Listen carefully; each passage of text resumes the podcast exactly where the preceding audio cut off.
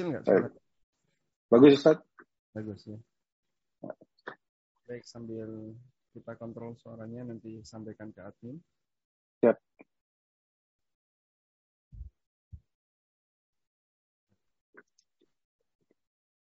Assalamualaikum warahmatullahi wabarakatuh.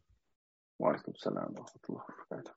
Alhamdulillahirabbil alamin wassalatu wassalamu ala asyrafil mursalin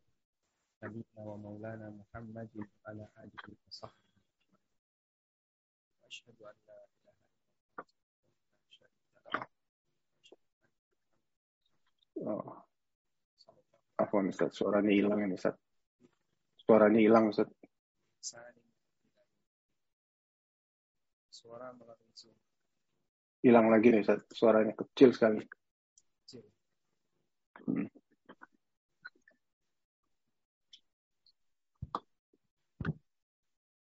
Tadi cukup besar tapi terus. Jelas. Alhamdulillah. Ya, alhamdulillah. Ini bagus. Alhamdulillah. Jelas? Jelas, jelas sekali Ustaz. Baik, alhamdulillah. Baik, eh, alhamdulillah di malam hari ini untuk waktu Yogyakarta dan sekitarnya kembali kita melanjutkan kajian rutin yang diselenggarakan oleh Rumah Dakwah. Gimana namanya, Pak? Rumah dakwah UK aja. Ya. Rumah Dakwah UK. Dan ini adalah kajian dengan membahas kitab Al-Fiqhul Muyassar dengan masih pada tema tentang fikih ibadah dan insya Allah yang akan kita angkat adalah berkaitan dengan sholat khauf, sholat dalam situasi genting. Dan seperti yang kita ketahui bahwa syariat Islam meletakkan sholat ini pada posisi yang sangat tinggi derajatnya. Sehingga Islam memberikan banyak sekali uh, apa perhatian agar kaum muslimin melaksanakan sholat ini tepat waktu, dilaksanakan secara maksimal, bahkan sampai dalam situasi genting sekalipun, kaum muslimin diperintahkan untuk melaksanakan sholat. Tayyip. Sebelum terjadi sholat khawf, sebelum ada syariat tentang sholat khawf, Nabi Shallallahu Alaihi Wasallam melaksanakan sholat sesuai dengan waktunya dengan tata cara sebagaimana sholat biasa. Dan ketika beliau tidak bisa melaksanakan sholat sesuai dengan waktunya, Rasulullah Shallallahu Alaihi Wasallam sampai menunda sholat hingga keluar waktu. Ini sebagaimana yang disebutkan dalam riwayat yang menceritakan tentang peristiwa perang Khandaq. Dalam hadis dari Ali bin Abi Thalib radhiyallahu anhu beliau menceritakan kunna ma'an nabi sallallahu alaihi wasallam yaumal khandaq. Kami pernah membersamai Nabi sallallahu alaihi wasallam yaumal khandaq ketika peristiwa khandaq dan dalam peristiwa khandaq itu kaum muslimin siaga kaum muslimin dalam kondisi siaga sehingga antara dua pasukan ini mereka saling panah-panahan dan saling saling menjaga. Orang kafir tidak bisa masuk ke kota Madinah sebab di depan mereka ada parit yang besar. Yang parit itu tidak bisa dilompati oleh kuda. Parit itu tidak bisa dilompati oleh kuda dan tidak bisa dinaiki dengan mudah oleh manusia. Akhirnya yang bisa mereka lakukan adalah saling memanah. Dalam kondisi siaga itu kaum muslimin sampai masuk waktu zuhur mereka nggak bisa sholat. Sampai masuk waktu asar mereka nggak bisa sholat. Hingga mereka sholat mendekati maghrib. Lalu Nabi Shallallahu Alaihi Wasallam mendoakan keburukan untuk mereka. Fakala mala Allahu kuburahum wa buyutahum nar. Semoga Allah memenuhi kuburan dan rumah mereka dengan api neraka kama syagaluna anis an salatil wusta hatta ghabati syamsu. Karena mereka telah menyibukkan kita sehingga kita tidak sempat melaksanakan salatul wusta yaitu salat asar. Hatta ghabati syamsu sampai matahari terbenam. Wahiyya salatul asri dan salatul wusta merupakan salat asar. Hadis riwayat Bukhari. Dan dalam riwayat yang lain, Nabi Shallallahu Alaihi Wasallam melaksanakan salat asar, salat duhur asar itu di waktu maghrib. Sehingga pada saat mereka melaksanakan sholat itu, mereka laksanakan dengan tata cara yang normal. Sholat asar empat rakaat, sholat duhur empat rakaat, asar empat rakaat, maghrib tiga rakaat dan seterusnya. Dan dohirnya para ulama menjelaskan kejadian ini sebelum adanya syariat tentang sholat khauf. Karena setelah adanya syariat tentang sholat khauf, Rasulullah SAW tetap sholat sebelum habis waktu. Hanya saja beliau laksanakan dengan tata cara yang berbeda, tidak sebagaimana tata cara sholat normal. Dan perang Khandaq, menurut riwayat yang ma'ruf, terjadi pada tahun ke-5 Hijriah. Wakila dan ada yang mengatakan innaha kanat fis sanati rabi'ah. Perang Khandaq terjadi pada tahun yang keempat Hijriah. Sebagaimana yang kita ketahui dalam peristiwa itu, kaum muslimin selalu berjaga di tepi parit dalam rangka untuk menjaga agar pasukan orang musyrik tidak masuk ke kota Madinah. Baik, selanjutnya kita akan lihat bagaimana keterangan penulis dalam kitab Fikih Muyassar. Al-Babul Hadi Ashar. Bab yang ke-11. Fi salatil khawf. Berkaitan dengan salat khawf. Wa fihi masail dan dalam salat khawf itu ada beberapa catatan. Hadha huwa al-udhru thalith. Al-khawf adalah uzur yang ketiga.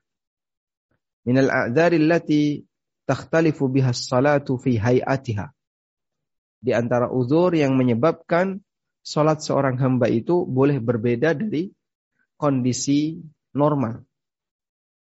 Au adadiha atau jumlah rokaatnya boleh berbeda dengan jumlah rokaat kondisi normal. Waqad taqaddama al-kalamu ala uzril maradi was safar. Dan kita sudah pernah membahas salat orang yang mengalami udur disebabkan karena sakit atau karena safar. Al-mas'alatul ula, pelajaran yang pertama. Hukmuha mengenai hukum salat khauf dan dalil disyariatkannya salat khauf serta syarat salat khauf. Mengenai hukumnya. Salat khauf disyariatkan untuk semua kegiatan kital mubah. Peperangan yang sifatnya mubah. disyariatkan ketika terjadi kital, peperangan mubah yang hukumnya mubah. Seperti kital melawan peperangan melawan orang non-muslim, melawan al-bughat, orang yang membelot dari pemerintah yang sah, wal muharibin, dan orang-orang yang mengganggu kaum muslimin, memerangi kaum muslimin, al-muharibin. Liqaulihi ta'ala, berdasarkan firman Allah Ta'ala di surat An-Nisa ayat 101, In khiftum ayyaftinakumul ladhina kafaru. Apabila kalian takut, kalian khawatir, orang kafir akan membantai kalian. Waqisa alaihil baqi. Sementara untuk peperangan yang lain, kalau ini berbicara tentang perang melawan non-muslim. Jadi jihad bagi kaum muslimin itu ada dua. Jihad bagi kaum muslimin itu ada dua. Yang pertama ada jihad bil lisan. Jihad yang pertama adalah dengan al-bayan, penjelasan. Dan jihad dengan al-bayan inilah dakwah. Dan ini yang utama. Karena tujuan kita dalam menyebarkan agama Allah adalah agama itu sampai kepada umat manusia. Bisa mereka terima, bisa mereka dengerin dari salah itu dan mereka terima. Jihad yang kedua adalah jihad dengan al-qital. Itulah jihad perang. Jihad perang atau jihad al-qital ini disyariatkan ketika jihad jenis yang pertama sudah tidak mampu lagi dilakukan. Artinya tidak mempan. Sehingga sudah dijelaskan, sudah disampaikan tentang keterangan-keterangan kebenaran, tapi mereka tidak tetap tidak mau menerima, barulah kemudian dilakukan jihad dengan al-qital, yaitu dengan perang. Baik. Dan Allah Subhanahu wa taala perintahkan dalam Al-Qur'an untuk berjihad melawan orang munafik. Jahidil munafiqina.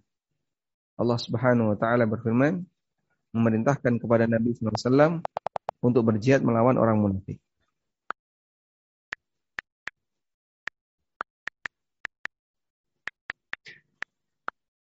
Waghluz alaihim. Nah.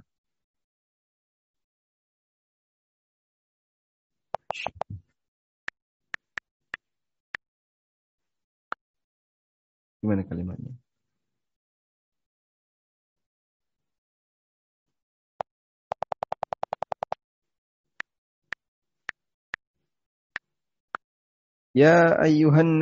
Jahidil kuffar wal munafiqin waghluz alaihim wa ma'wahum jahannam wa bi'sal masir. Wahai Nabi, berjihadlah melawan orang kafir dan orang munafik dan bersikaplah tegas kepada mereka. Wa ma'wahum jahannam. Tempat mereka adalah jahannam. Wa bi'sal masir dan itu adalah sebaik dan itu adalah sejelek-jelek tempat kembali. Nabi diperintahkan oleh Allah Ta'ala untuk berjihad melawan orang kafir dan orang munafik. Dan jihad melawan orang munafik tentu saja bukan dengan perang. Karena orang munafik bertetangga dengan Rasulullah SAW. Ini contohnya jihad melawan munafik. Baik. Lalu kita fokus sekarang ke jihad kita. Jihad yang bentuknya al-qital. Jihad yang bentuknya al-qital ini diperbolehkan jika sasarannya ada tiga macam. Jihad kital boleh untuk tiga sasaran. Yang pertama adalah orang kafir yang mereka sudah mendapatkan keterangan tentang aturan Allah, tentang agama Allah, dan sudah didakwai, diajak masuk Islam, dan seterusnya. Namun mereka lebih memilih untuk bertahan dalam agamanya dan tidak mau tunduk kepada kaum muslimin, tidak mau membayar jizyah. Maka mereka diperangi sehingga menjadi kita melawan orang kafir. Yang kedua, melawan bugot. Siapa itu bugot? Bugot yang dimaksud adalah pemberontak.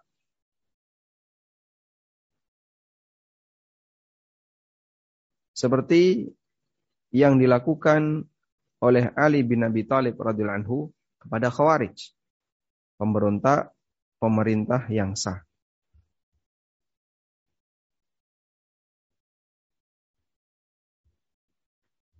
Allah Subhanahu wa taala ajarkan itu dalam Al-Qur'an. Fa in baghat ihdahuma 'ala al-ukhra faqatilul lati tabghi. Lati tabghi. Di surat Al-Hujurat ayat yang ke-9. Wa in ta'ifatani minal mu'minina qatatalu fa aslihu bainahuma. Apabila ada dua kelompok kaum mukminin yang saling yang saling berperang, maka perbaiki hubungan di antara mereka. Nah, perbaiki hubungan di antara mereka adalah dengan dikembalikan kepada yang berhak. Dengan dikembalikan kepada yang berhak. Sehingga misalnya diputuskan bahwa kubu A, kubu B. Yang benar kubu A. Maka kubu B harus mengaku kalah. Harus mengalah karena yang benar kubu A. Setelah dikembalikan dengan islah seperti itu, ternyata ada salah satu yang nggak terima. Fa'in bagat ihdahuma 'alal ukhra. Jika salah satu mereka nggak terima sehingga melakukan bugat, faqatilul lati tabghi hatta tafi'a ila amrillah. Maka perangilah yang bugat sampai mereka kembali ke jalan Allah. Ini ada di surat Al-Hujurat ayat yang ke-9.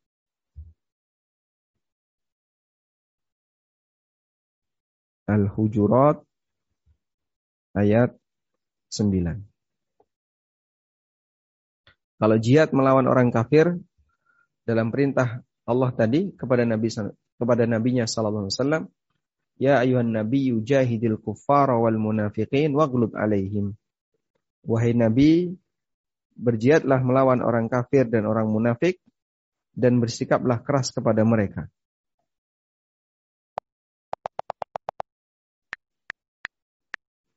Ada di surat At-Taubah ayat 73. Juga di surat At-Tahrim ayat 9.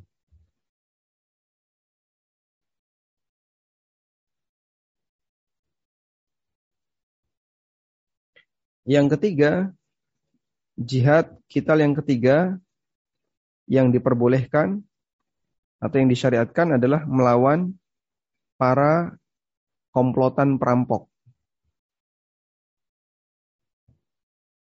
Komplotan perampok atau penyamun atau komplotan apa pun yang ganggu masyarakat.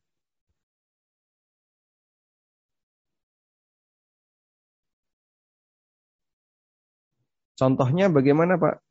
Contohnya ada komplotan yang dia kadang ngambil harta masyarakat, terus mereka lari ke hutan atau lari ke mana. Sehingga komplotan ini bukan bukan melawan pemerintah, tapi tujuan mereka adalah mencari harta. Maka seperti ini diperangi. Allah Subhanahu wa taala berfirman, "Innama jazaa'ul ladzina yuharibuna Allah wa rasulah."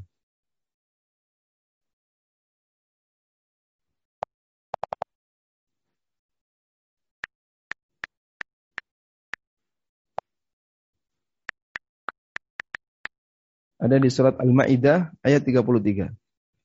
Innama jazaa'ul ladzina yuharibuna Allah wa rasulahu wa yas'auna fil ardi fasada ay yuqattalu aw yusallabu aw tuqatta'a aydihim wa arjuluhum min khilafin aw yunfau minal ard. Dzalika lahum khizyun fid dunya wa lahum fil akhirati adzabun adzim. Illa alladziina tabu min qabli an taqdiru alaihim wa'lamu annallaha ghafurur rahim. Nah. Sesungguhnya balasan orang yang memerangi Allah dan Rasulnya. Wa yas'auna fil ardi fasada. Dan bertindak kerusakan di muka bumi. Yang dimaksud memerangi Allah dan Rasulnya. Muharabah di situ. Ini tadi surat Al-Ma'idah ayat 33. Itu berbicara tentang komplotan yang dia suka mengambil harta masyarakat, ngerampok harta masyarakat terus pergi. Meskipun tidak ada maksud untuk menggulingkan pemerintah. Sehingga bedanya bugot dengan yang ketiga adalah kalau bugot sasarannya ingin menggulingkan pemerintah, kalau yang ketiga muharibin tujuannya untuk ganggu atau mengambil harta masyarakat. Baik, kita lanjutkan. Mimman yajuzu kitaluhu di antara orang yang boleh untuk diperangi.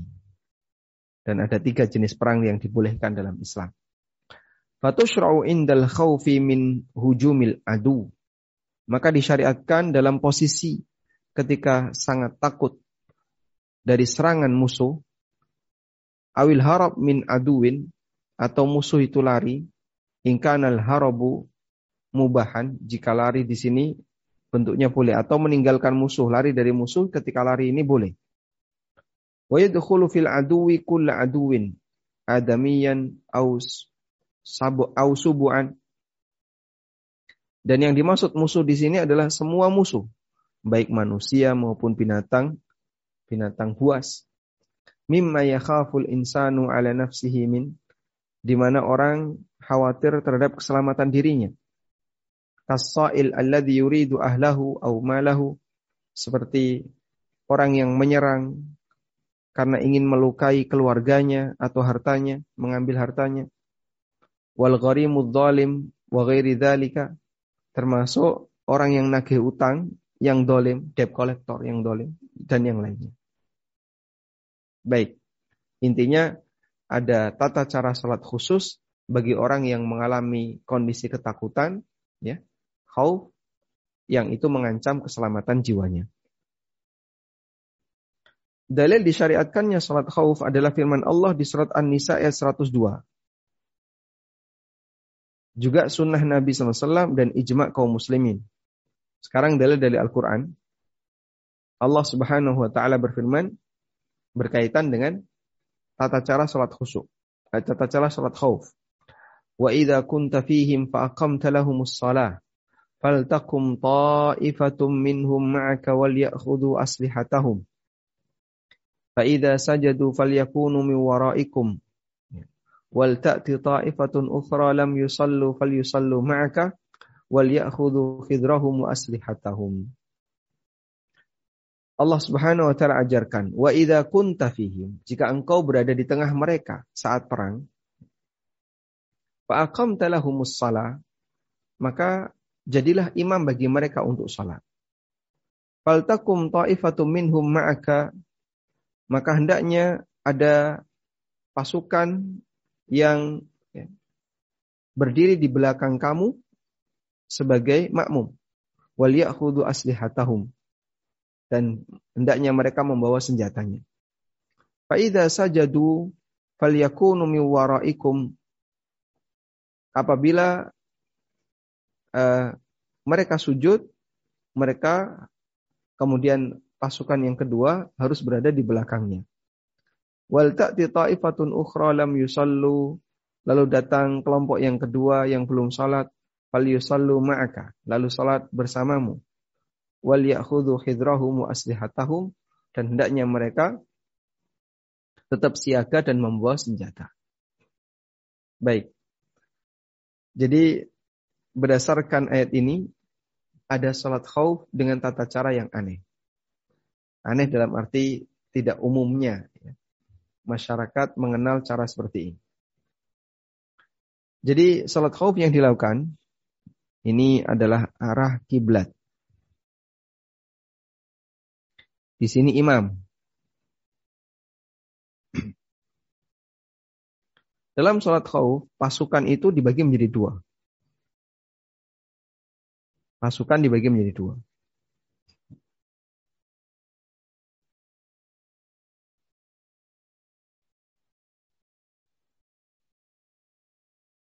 Dengan jumlah yang sama. Atau mendekati sama. Pasukan pertama, dia sholat di belakang imam. Ini apabila musuh berada di depan. Pasukan yang pertama sholat di belakang imam. Ini dengan asumsi musuh berada di depan. Ya, di sini arah musuh.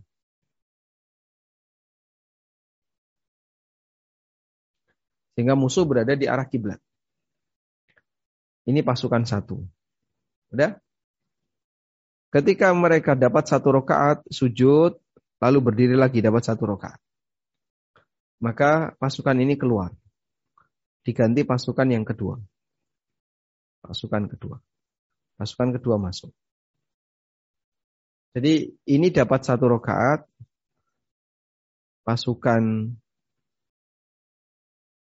pasukan satu dapat satu rokaat. Ya, kemudian pasukan dua dapat satu rokaat bersama imam. Sehingga pasukan satu dapat satu rokaat bersama imam, pasukan dua dapat satu rokaat bersama imam. Baik, aneh ya cara sholat seperti ini. Aneh dalam arti jarang di, di antara kita. Mungkin kita tidak pernah mempraktekkan itu. Baik, sekarang coba kita lihat di sini. Dan dalil dari sunnah wasallaha Rasulullah SAW. Nabi SAW pernah melaksanakan sholat khauf. Wa ajma'as sahabatu ala fi'liha dan sahabat sepakat untuk melaksanakan sholat khauf tersebut. Di antara syarat sholat khauf, disyaratkan dalam sholat khauf dua syarat. Yang pertama adalah ayyakunal adu mimman yahillu kitaluhu musuh yang dihadapi haruslah orang yang halal untuk diperangi. Seperti non-muslim, orang bugot, dan muharibin sebagaimana penjelasan sebelumnya. Yang kedua, ayyukhafa hujumuhum alal muslimin. Dikhawatirkan dia akan menyerang kaum muslimin. Apabila tidak siaga. Halas salati ketika kaum muslimin sedang tengah sholat. Maka kalau dilakukan sholat berjamaah, lalu kaum muslimin tidak siaga, bisa jadi akan mengulang kejadian penyerangan yang dilakukan oleh non-muslim kepada kaum muslimin ketika mereka sedang sholat. Dan itu tidak dikehendaki, maka kaum muslimin harus ada yang siaga untuk menjaga yang sholat secara bergantian. Baik. Sekarang coba kita lihat kaifiahnya. Al-mas'alatu tsaniyah kaifiyatu salatil khauf. Permasalahan yang kedua, pelajaran yang kedua mengenai tata cara salat khauf. Kaifiyatu salatil khaufi, tata cara salat khauf. Ja'at terdapat salat khauf ala iddati sifatin dengan tata cara yang berbeda-beda. Di antaranya adalah tata cara yang pernah diajarkan oleh Nabi SAW dalam hadis dari Sahal bin Abi Hasmah Al-Ansari radhiyallahu anhu. Wahia ashbahu bis sifatil madhkurati fil Qur'anil Karim. Dan tata cara ini yang paling mirip dengan tata cara yang disebutkan dalam Al-Qur'anul Karim.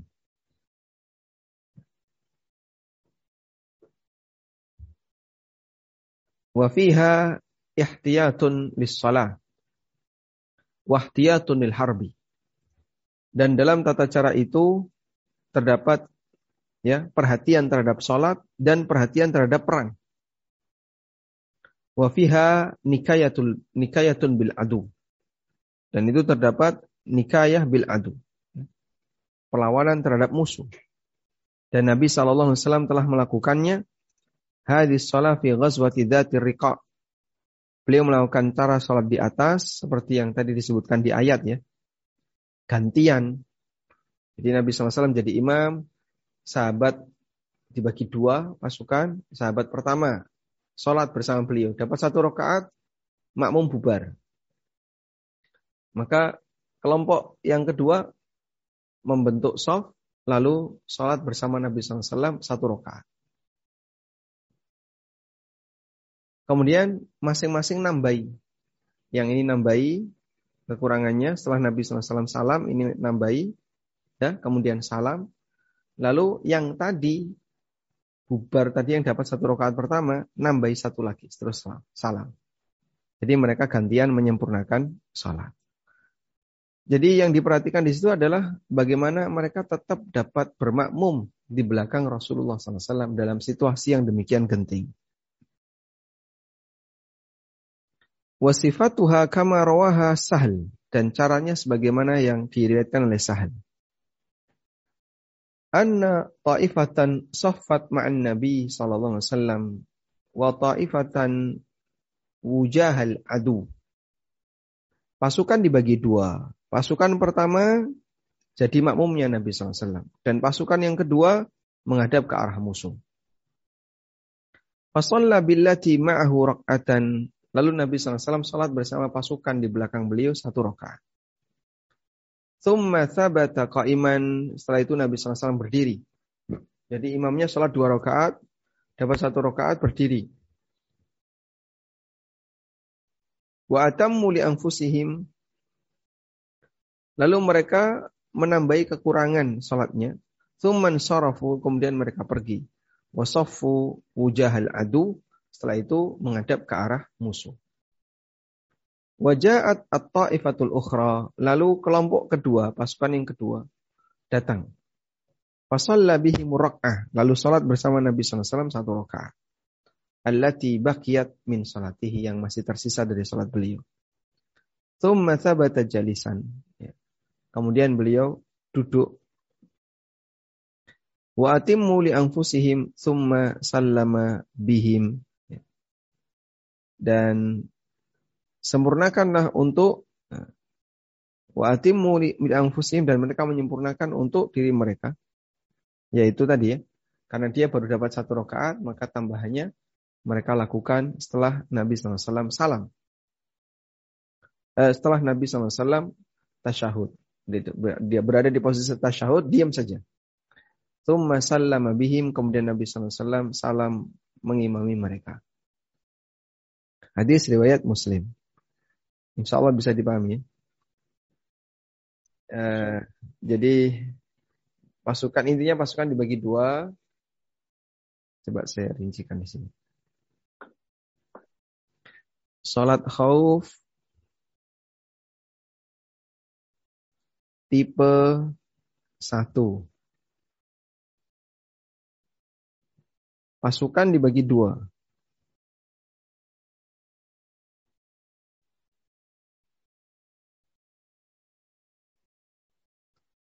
Yang satu siaga, yang satu sholat.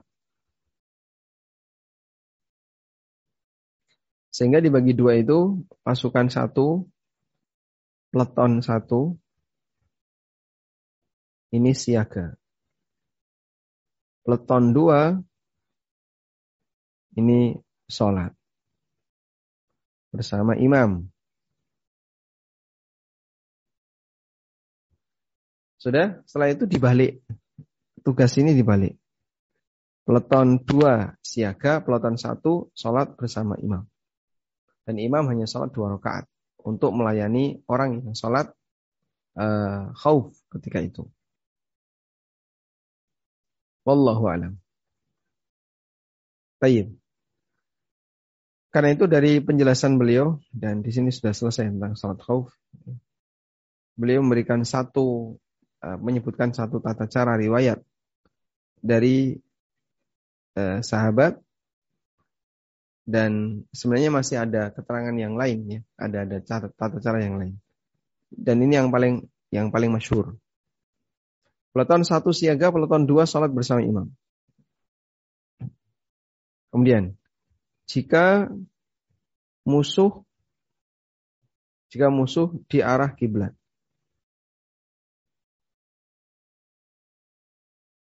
Jika musuh di arah kiblat, apa yang harus dilakukan? Ketika musuh di arah kiblat, maka satu soft sholat bersama imam, sementara belakangnya bawa senjata. Nanti kalau musuh mendekat, senjata itu yang dilempar. Kemudian gantian, yang di belakang maju setelah dapat satu rakaat, yang tadi menambahkan kekurangannya. Baik, sehingga waktunya tetap diperhatikan, tidak boleh sholat di luar waktu. Karena sholat di luar waktu pelanggaran besar. Tidak sah sholatnya, kecuali bagi mereka yang punya uzur syar'i. Baik, jika musuh tidak di arah kiblat gimana? Maka yang satu menghadap ke arah musuh, peleton yang satu sholat. Wallahu a'lam. Nah, tipe duanya ada salat khauf tipe dua.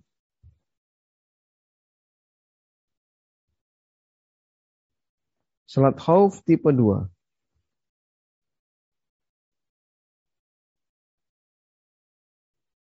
adalah salat seadanya.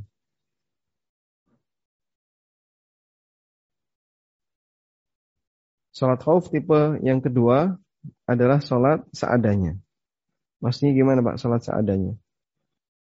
Ini di medan yang ditakuti.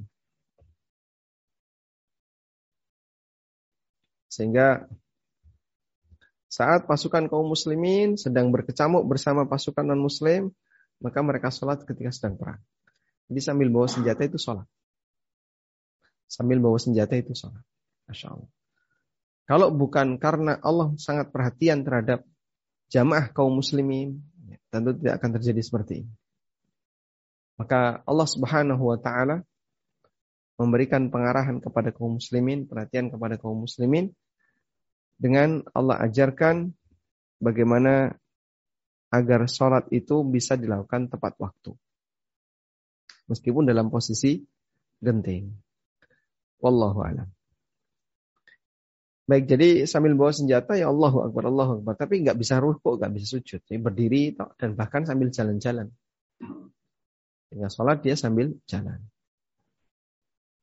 Wallahu alam itu berkaitan dengan sholat khauf. Selesai ya. Nah, kalau tema berikutnya kita masuk ke sholatul idain. Sholat id. Ini tema berikutnya. Tapi sebelumnya kami serahkan ke forum, barangkali ada yang mau disampaikan, kami persilahkan. Alhamdulillah, Ustaz. Uh, dari jamaah belum ada, Ustaz. Uh, cuman saya ada pertanyaan sedikit tadi tentang sholat khawf ini. Gimana pada pada masanya uh, ayat ini diturunkan kan persenjataan masih belum secanggih sekarang ya. Jadi masih uh, menggunakan apa panah, tombak dan sebagainya. Betul. Eh, kalau sekarang ini bagaimana ini yang yang terutama yang peralat uh, tata cara sholat khawf yang pertama nih Ustaz. Yang tadi yang uh, apa namanya ada dua peleton berdiri bersama uh, musuhnya di depan. Ini kalau misalnya uh, berdirinya bersamaan gitu dan yang pertama staf pertama sholat lalu selesai, yang kedua yang yang di belakangnya berjaga-jaga Lalu setelah rokaat kedua yang pertama berjaga tanpa berpindah gitu, Ustaz. Tetap pada barisannya itu gimana, Ustaz? Caranya, Ustaz? Jadi sebenarnya dalam hal ini kembali kepada maslahat hmm. bagi kaum muslimin. Sehingga bisa jadi ada pergeseran, ada perubahan, tergantung apa yang paling maslahat. Allah ajarkan seperti itu, silahkan dipraktekkan seperti itu. Namun kalau tidak mungkin kan, kayak gini nggak mungkin kan. Sehingga kita tidak boleh sholat dalam situasi di tempat terbuka kayak gini, bisa diserang semuanya. Ya. Apalagi pakai bom misalnya. Ya. Maka dalam hal ini ketika tidak memungkinkan, dia bisa sholat semampu yang bisa dia lakukan. Fattakullaha mastata'tum. Bertakwalah kepada Allah semampunya. Sehingga dalam posisi ini, gimana yang paling nyaman untuk sholat? Ya. Kalau musuh masih jauh, berarti nanti ketika sholat mungkin tidak lebih siaga dibandingkan ketika musuh sudah dekat. Wallahu a'lam. Nah, satu lagi Ustaz saya tanya. Jadi uh, sholat khawf ini pada dasarnya uh, kosor ya Ustaz, di, disingkat menjadi setengah dari uh, norm uh, apa fardunya ya Ustaz. Baik. Kondisinya saja ya. Salat khauf dua rakaat. Dua rakaat. Nah. Untuk maghrib? Wallahu alam. Uh, peperangan di masa silam itu kalau sudah terbenam matahari, mereka berhenti. Hmm. Sehingga riwayat tentang itu kita tidak tahu. Hmm. Dan saya nggak tahu gimana sholat khauf untuk maghrib. Apakah tetap tiga rakaat atau dua rakaat? Wallahu alam. Ya, Dan di buku Fikih Muyasar tidak disebutkan jumlah rakaatnya. Hmm. Selain dari tata cara yang diceritakan oleh uh, sahabat Sahal. Sahal bin Abi Hasmah di mana beliau menyebutkan Nabi SAW membagi dua peleton. Ya. Dan itu tidak ada keterangan uh, mengenai yang tadi kita bahas. Mengenai jumlah rokaat apa, maghrib berapa, dan seterusnya. Wallahu a'lam. Mungkin sudah dari kami. Baik. Saya sambung dengan sholat id. Al-babu thani ashar. Bab yang ke-12. Di sholatil idain tentang sholat id. Tentang sholat dua id. Wafihi masail dan di sana ada beberapa pelajaran. Id yang ada adalah Idul Adha dan Idul Fitri. Dan keduanya lahu munasabatun syar'iyah, punya munasabah syar'iyah. Punya momen syariat. Ada momen tertentu. Fa'idul fitri untuk Idul Fitri sejalan atau selaras dengan berakhirnya kaum muslimin puasa Ramadan. Sehingga dia punya momen dia punya momen, momennya adalah berakhirnya puasa Ramadan. Wal adha bimunasabati ikhtitami ashri dzil hijjah wa sumiyat aidan. Sedangkan hari raya adha ini berhubungan dengan 10 pertama bulan Dhul Hijjah dan disebut Id li'annahu ya'udu wa yatakarraru fi waqtihi. Karena kejadian ini selalu berulang. Jadi Id secara bahasa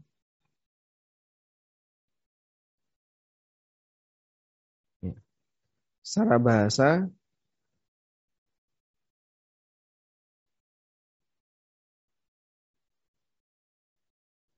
Artinya dari kata ada ya'udu. Ada ya'udu. Artinya apa ini? Artinya mengulang.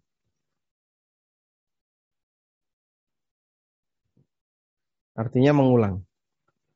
Maka Eid disebut Eid. Dinamakan Eid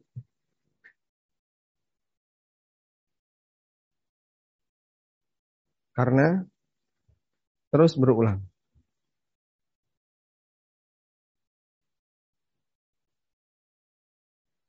Sehingga tahun ini ada Id, tahun depan ada Id lagi dan seterusnya. Dia akan terus berulang. Nah, karena itu sebuah tempat disebut sebagai tempat perayaan Id apabila perayaan itu dilakukan secara berulang. Kita lanjutkan. Mengenai hukum sholat id dan dalil disyariatkannya sholat id. Sholat id termasuk fardu kifayah. Idza qama bihiyal ba'du saqatal ismu anil baqi. Apabila ada sebagian yang sudah melaksanakan, maka yang lain dosanya gugur. Wa idza tarakat minal kul asimal jami' dan apabila dia juga meninggalkannya asimal jami maka semuanya berdosa disebabkan karena dia tidak uh, melaksanakan salat Idul Adha uh, salat Idul Fitri maupun Idul Adha li'annaha min sya'iril Islam karena salat termasuk bagian dari syiar Islam ad-dhahira yang nampak Wali annahu sallallahu alaihi wasallam dawama 'alaiha dan Nabi sallallahu alaihi wasallam juga merutinkan amal itu. Demikian pula para sahabat beliau min ba'di setelahnya. Wa qad amara an-nabiy sallallahu alaihi wasallam hatta nisa dan Nabi sallallahu alaihi wasallam juga memerintahkan hal itu sampai pun pada wanita. Illa annahu amara al-huyyadha bi'tizalil musalla. Hanya saja beliau perintahkan kepada yang haid tolong agak menjauh, jangan terlalu dekat dengan tempat sholat. Wahada mimma yadullu ala ahammiyatiha. Dan ini menunjukkan pentingnya. Wa adami fadliha. Wa adimi fadliha. Dan keagungan dari karunianya. Liannahu idha amara bihan nisa'a ma'annahunna lasna min ahli istima' farrijalu min babil awla. Apabila sholat id itu diperintahkan untuk wanita, padahal wanita itu tidak harus ada acara kumpul-kumpul, Farijalu min babil aula, maka lelaki lebih wajib lagi. Wa min ahli ilmi mayukawi kaunaha fardu ainin.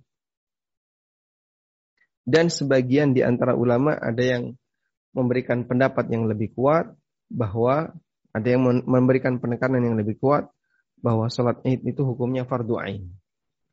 Bukan fardu kifayah. Jadi mengenai hukum salat Id ada khilaf ya.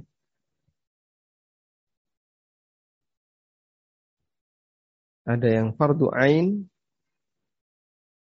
Ada yang fardu kifayah. Ada yang mengatakan itu fardu ain. Artinya semua orang harus ikut.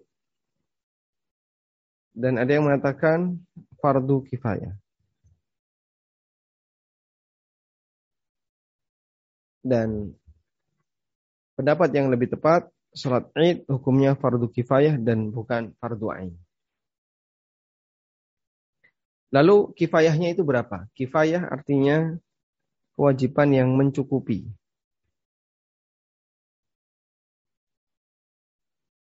Yang dilaksanakan dengan jumlah mencukupi. Kalau sholat id, lima orang itu belum dianggap id, belum mencukupi. Maka fardu kifayah belum gugur. Sampai ada sejumlah orang yang dianggap itu sudah mewakili, sehingga ketika sholat id, tidak dipermasalahkan, karena sudah cukup banyak di situ.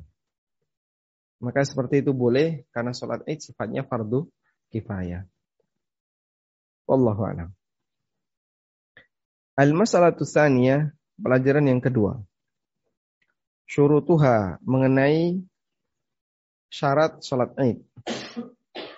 Wa min ahammi syurutiha di antara syarat yang terpenting dalam sholat id adalah tukhulul waqt sudah masuk waktunya. Wa wujudul adadil mu'tabar. Dan ada sejumlah orang yang al-mu'tabar yang diperhitungkan ketika sholat id. Dan berikutnya adalah al-istitabah. Al-istitabah uh, berikutnya adalah al-istitan bahwa pelaksanaan pelaksanaan id itu harus dilakukan oleh mustautin, penduduk asli.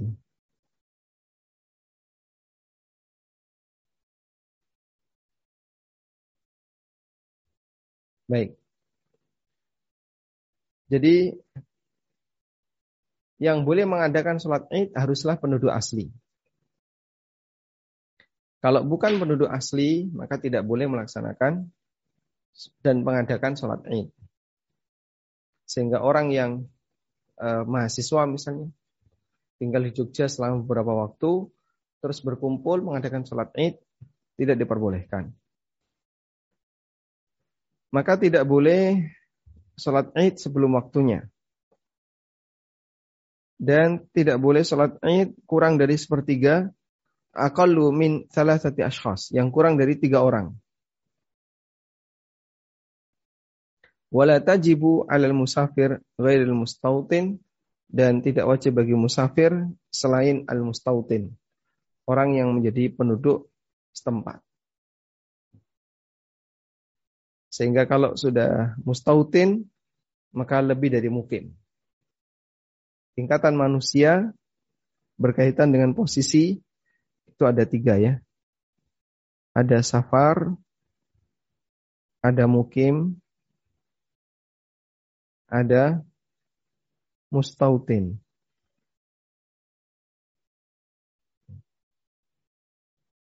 Ada orang yang sedang safar, ada orang mukim, ada mustautin. Urutan yang paling kuat adalah mustautin, karena dia penduduk asli. Sehingga dia nggak pindah-pindah. Berikutnya adalah mukim. Bisa jadi mukim itu mukim di dua tempat. Di sini mukim, di sana mukim. Yang ketiga adalah kondisi safar, musafir. Dia seorang musafir. Ini tiga kondisi manusia.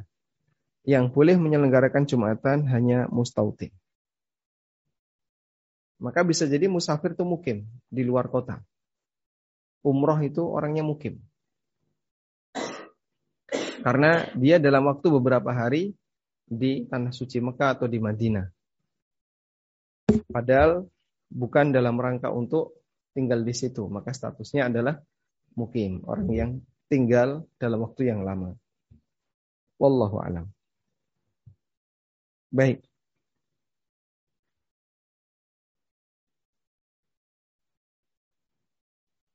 Selanjutnya al-mas'alatu salitsah pelajaran yang ketiga. Al-mawadhi'u allati tusalla fiha al-mawadhi'ul lati tusalla. Tempat yang boleh dipakai untuk salat Id. Yusannu an tusalla sahra. Dianjurkan salat Id itu dilakukan di as-sahra kharijal bayan. Di tanah lapang kharijal bayan kharijal bunyan agar bisa keluar dan keluar dari bangunan. Berdasarkan hadis Abu Sa'id Al-Khudri radhiyallahu anhu Nabi SAW bersabda, Nabi SAW yakhruju fil fitri, keluar ketika Idul Fitri dan Idul Adha ilal musalla ke tempat salat. Dan tempat salatnya itu di tanah lapang. Di padang pasir. Wal qasdu min dalika wallahu a'lam idharu hadhi syairah. Dan tujuannya adalah untuk menampakkan syiar ini. Wa ibrazuha. Dan untuk menampakkannya dan boleh sholat di masjid jami min uzrin karena udur hujan atau angin yang dingin atau yang lainnya. Baik. Sehingga intinya adalah kalau sholat id itu dilakukan di luar masjid. Dan Nabi SAW tidak membangun masjid di tempat sholat id. Berkali-kali beliau menjumpai id. Dan Rasulullah Wasallam Eh, ketika melaksanakan sholat id, beliau tinggalkan Masjid Nabawi. Padahal kita tahu sholat di Masjid Nabawi dilipatkan berapa kali? Seribu kali dibandingkan sholat di selain Masjid Nabawi. Itu pun ketika sholat id beliau di luar. Sehingga ini bukti bahwa Rasulullah Sallallahu Alaihi Wasallam pada saat melaksanakan sholat id tujuannya adalah dalam rangka untuk mensyiarkan Islam. Sehingga sholatnya di luar. Wallahu alam. Dan ini masih cukup panjang ya, berkaitan dengan sholat id, waktunya, kemudian tata caranya dan seterusnya insya Allah akan kita sambung di pertemuan berikutnya. Wallahu alam wa sallallahu ala nabiyyina Muhammadin wa ala alihi wa sahbihi wa sallam. Alhamdulillah, Alhamdulillah, Uh, hari ini tidak banyak pertanyaan. Uh, saya ingatkan kembali ke teman-teman untuk yang ingin bertanya langsung silahkan raise hand. Uh, Afwan Ustaz, saya share satu screen. Ada pertanyaan nanti saya tambahkan. Baik, Bismillah. Uh, Pak Ustaz, apabila terkena COVID, apakah boleh sholat sendirian di dalam ruangan? Ini yang pertama, uh, saya sambungkan nanti pertanyaan saya pada saat COVID kemarin kan kita sholat masing-masing di rumah masing-masing ya.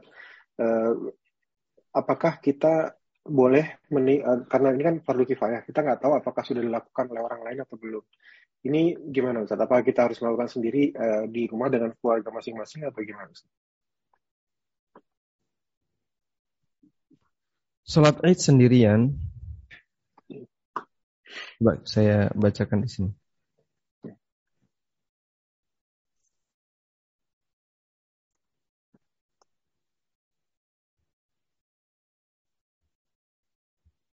Ada fatwa ini ya, di fatwa Islam. Bolehkah saya sholat id di rumah sendirian karena saya tidak bisa pergi ke masjid disebabkan karena kondisi sakit. Di wad'i as-sihhi. Jawabannya di sini salat Id hukumnya fardu ain bagi setiap laki-laki yang mampu ya, fi asahhi aqwali ahli ilmi menurut pendapat ulama yang paling sahih.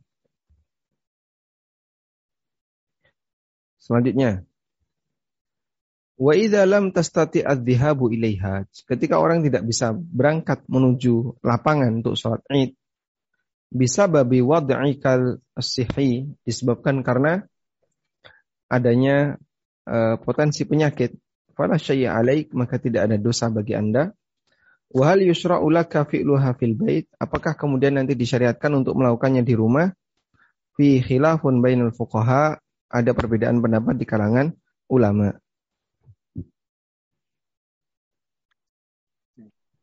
Dinukir oleh Al-Muzanni dari Imam Syafi'i. Dalam Mukhtasar Al-Um, Imam Syafi'i mengatakan, "Wa yusallal 'idaini al-munfarid fi baitihi wal musafir wal 'abdi wal mar'ah." Wal musafir wal abdu wal mar'ah. Boleh sholat Id bagi orang sendirian di rumahnya wal musafir demikian pula bagi musafir dan bagi budak serta wanita yaitu orang-orang yang punya uzur. Juga keterangan Al-Kharshi Al-Maliki dianjurkan bagi orang yang ketinggalan sholat Id bersama imam untuk tetap sholat. Wahal fi jama'atin au afdada bolehkah sendirian ataukah harus jamaah? Kaulan, ada dua pendapat dalam Malikiyah.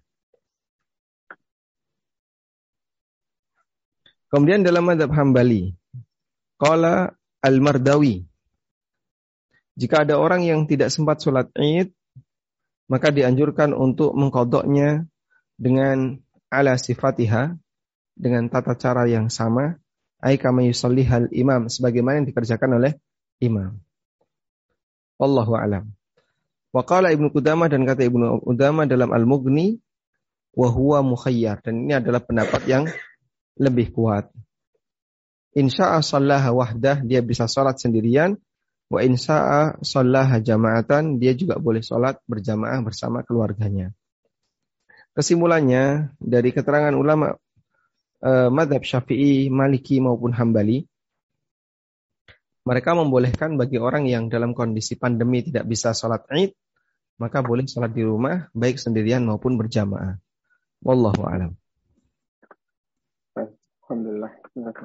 Ini ada pertanyaan singkat aja nih uh, Ustaz. Uh, di daerah rumah kami di Inggris, di UK, uh, eh, Id dilaksanakan di masjid atau di ruangan. Uh, apakah kami harus pergi ke daerah lain di yang di luar ruangan? Sholat id di dalam masjid atau di dalam ruangan itu tidak terlarang. Dan sholat id untuk di dua kota suci yang terbesar di dalam masjid. Di Mekah di dalam masjid, di Masjidil Haram, di Madinah juga di Masjid Nabawi. Sebab tidak ada tempat yang bisa menampung jumlah jamaah lebih banyak melebihi dua masjid ini. Oleh karena itu kalau di sana ada masalah besar untuk melaksanakan sholat id di dalam bangunan di masjid, maka silahkan Anda ikuti. Apakah disyariatkan bagi kita untuk pindah kota agar nanti bisa sholat id di lapangan? Jawabannya tidak perlu. Tapi kalau misalnya uh, sekalian untuk acara yang lain dan Anda memilih ke negeri di mana syiar Islam itu bisa dominan, maka silahkan. Allahu a'lam. Boleh satu lagi Ustaz, ini terakhir uh, untuk malam ini Ustaz. Masya Allah, silakan. Di luar topik Ustaz, singkat aja Ustaz. Uh, Assalamualaikum warahmatullahi wabarakatuh. Uh, sholat sunnah apa saja yang boleh dikerjakan di waktu terlarang melaksanakan sholat selain sholat jenazah, sholat gerhana. Jazakumullah. Waalaikumsalam warahmatullahi wabarakatuh. Lebih tepatnya begini ya.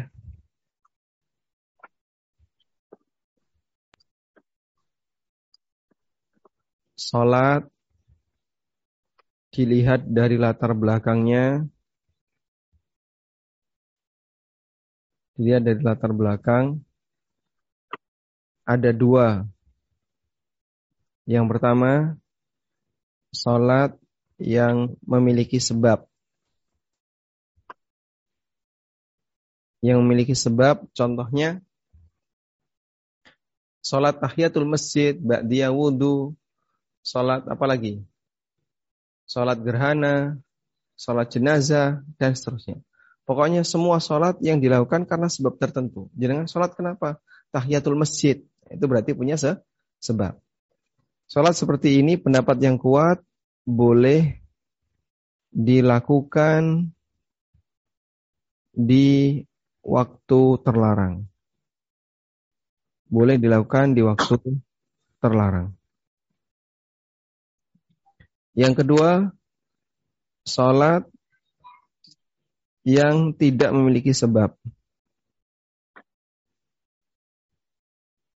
Sholat yang tidak memiliki sebab itu disebut dengan sholat mutlak. Dalam kurung, sholat sunnah mutlak. Untuk sholat sunnah mutlak, maka seperti ini tidak boleh dilakukan di waktu terlarang. Untuk sholat sunnah mutlak tidak boleh dilakukan di waktu terlarang. Misalnya gimana Pak? Ada orang yang setelah duhur sholat. Kamu sholat apa? Ya sholat aja. Pengen sholat. Sholat sunnah, sholat sunnah terus. Nah itu berarti sholat sunnah mutlak. Maka yang seperti ini tidak boleh dilakukan di waktu terlarang. Sehingga tidak boleh setelah asar, tidak boleh setelah subuh, dan seterusnya. Karena sifatnya adalah sholat sunnah tanpa sebab. Wallahu alam. Insya Allah bisa dipahami ya. Sehingga kalau Anda ingin tahu rinciannya apa saja, ya. Untuk kasus nomor satu tadi, sholat yang memiliki sebab dan anda dan dibolehkan di waktu terlarang. Terus apa saja itu? Anda lihat apa saja sholat sunnah yang punya sebab. Wallahu a'lam. Baik. Baik. Alhamdulillah sudah selesai sudah selesai untuk malam ini Ustaz. Tayyib, semoga apa yang kita bahas ini bermanfaat. Kita haturkan jazakumullah khairan untuk teman-teman yang bergabung di Zoom maupun yang pemirsa ANB channel. Kita memohon kepada Allah semoga Allah memberikan manfaat dari ilmu yang kita pelajari dan melimpahkan ilmu yang bermanfaat untuk kita Allahumma anfa'na bima 'allamtana wa 'allimna ma yanfa'una warzuqna ilma. Wa sallallahu ala nabiyyina Muhammadin wa ala alihi wa sahbihi wa sallam. Wa akhiru da'wana alhamdulillahi rabbil alamin. Subhanakallahumma wa bihamdika asyhadu an la ilaha illa anta astaghfiruka wa atubu ilaik. Wassalamualaikum warahmatullahi wabarakatuh. Waalaikumsalam warahmatullahi wabarakatuh. Jazakumullah khairan Ustaz atas uh, ilmu dan waktunya juga kepada kru. Insya Allah kita akan bertemu kembali di lain waktu. Kajian ini bermanfaat. Insya Allah. Eh, mohon maaf jika ada kesalahan baik dalam sikap maupun perkataan. Barakallahu fikum. Wassalamualaikum warahmatullahi wabarakatuh. Waalaikumsalam.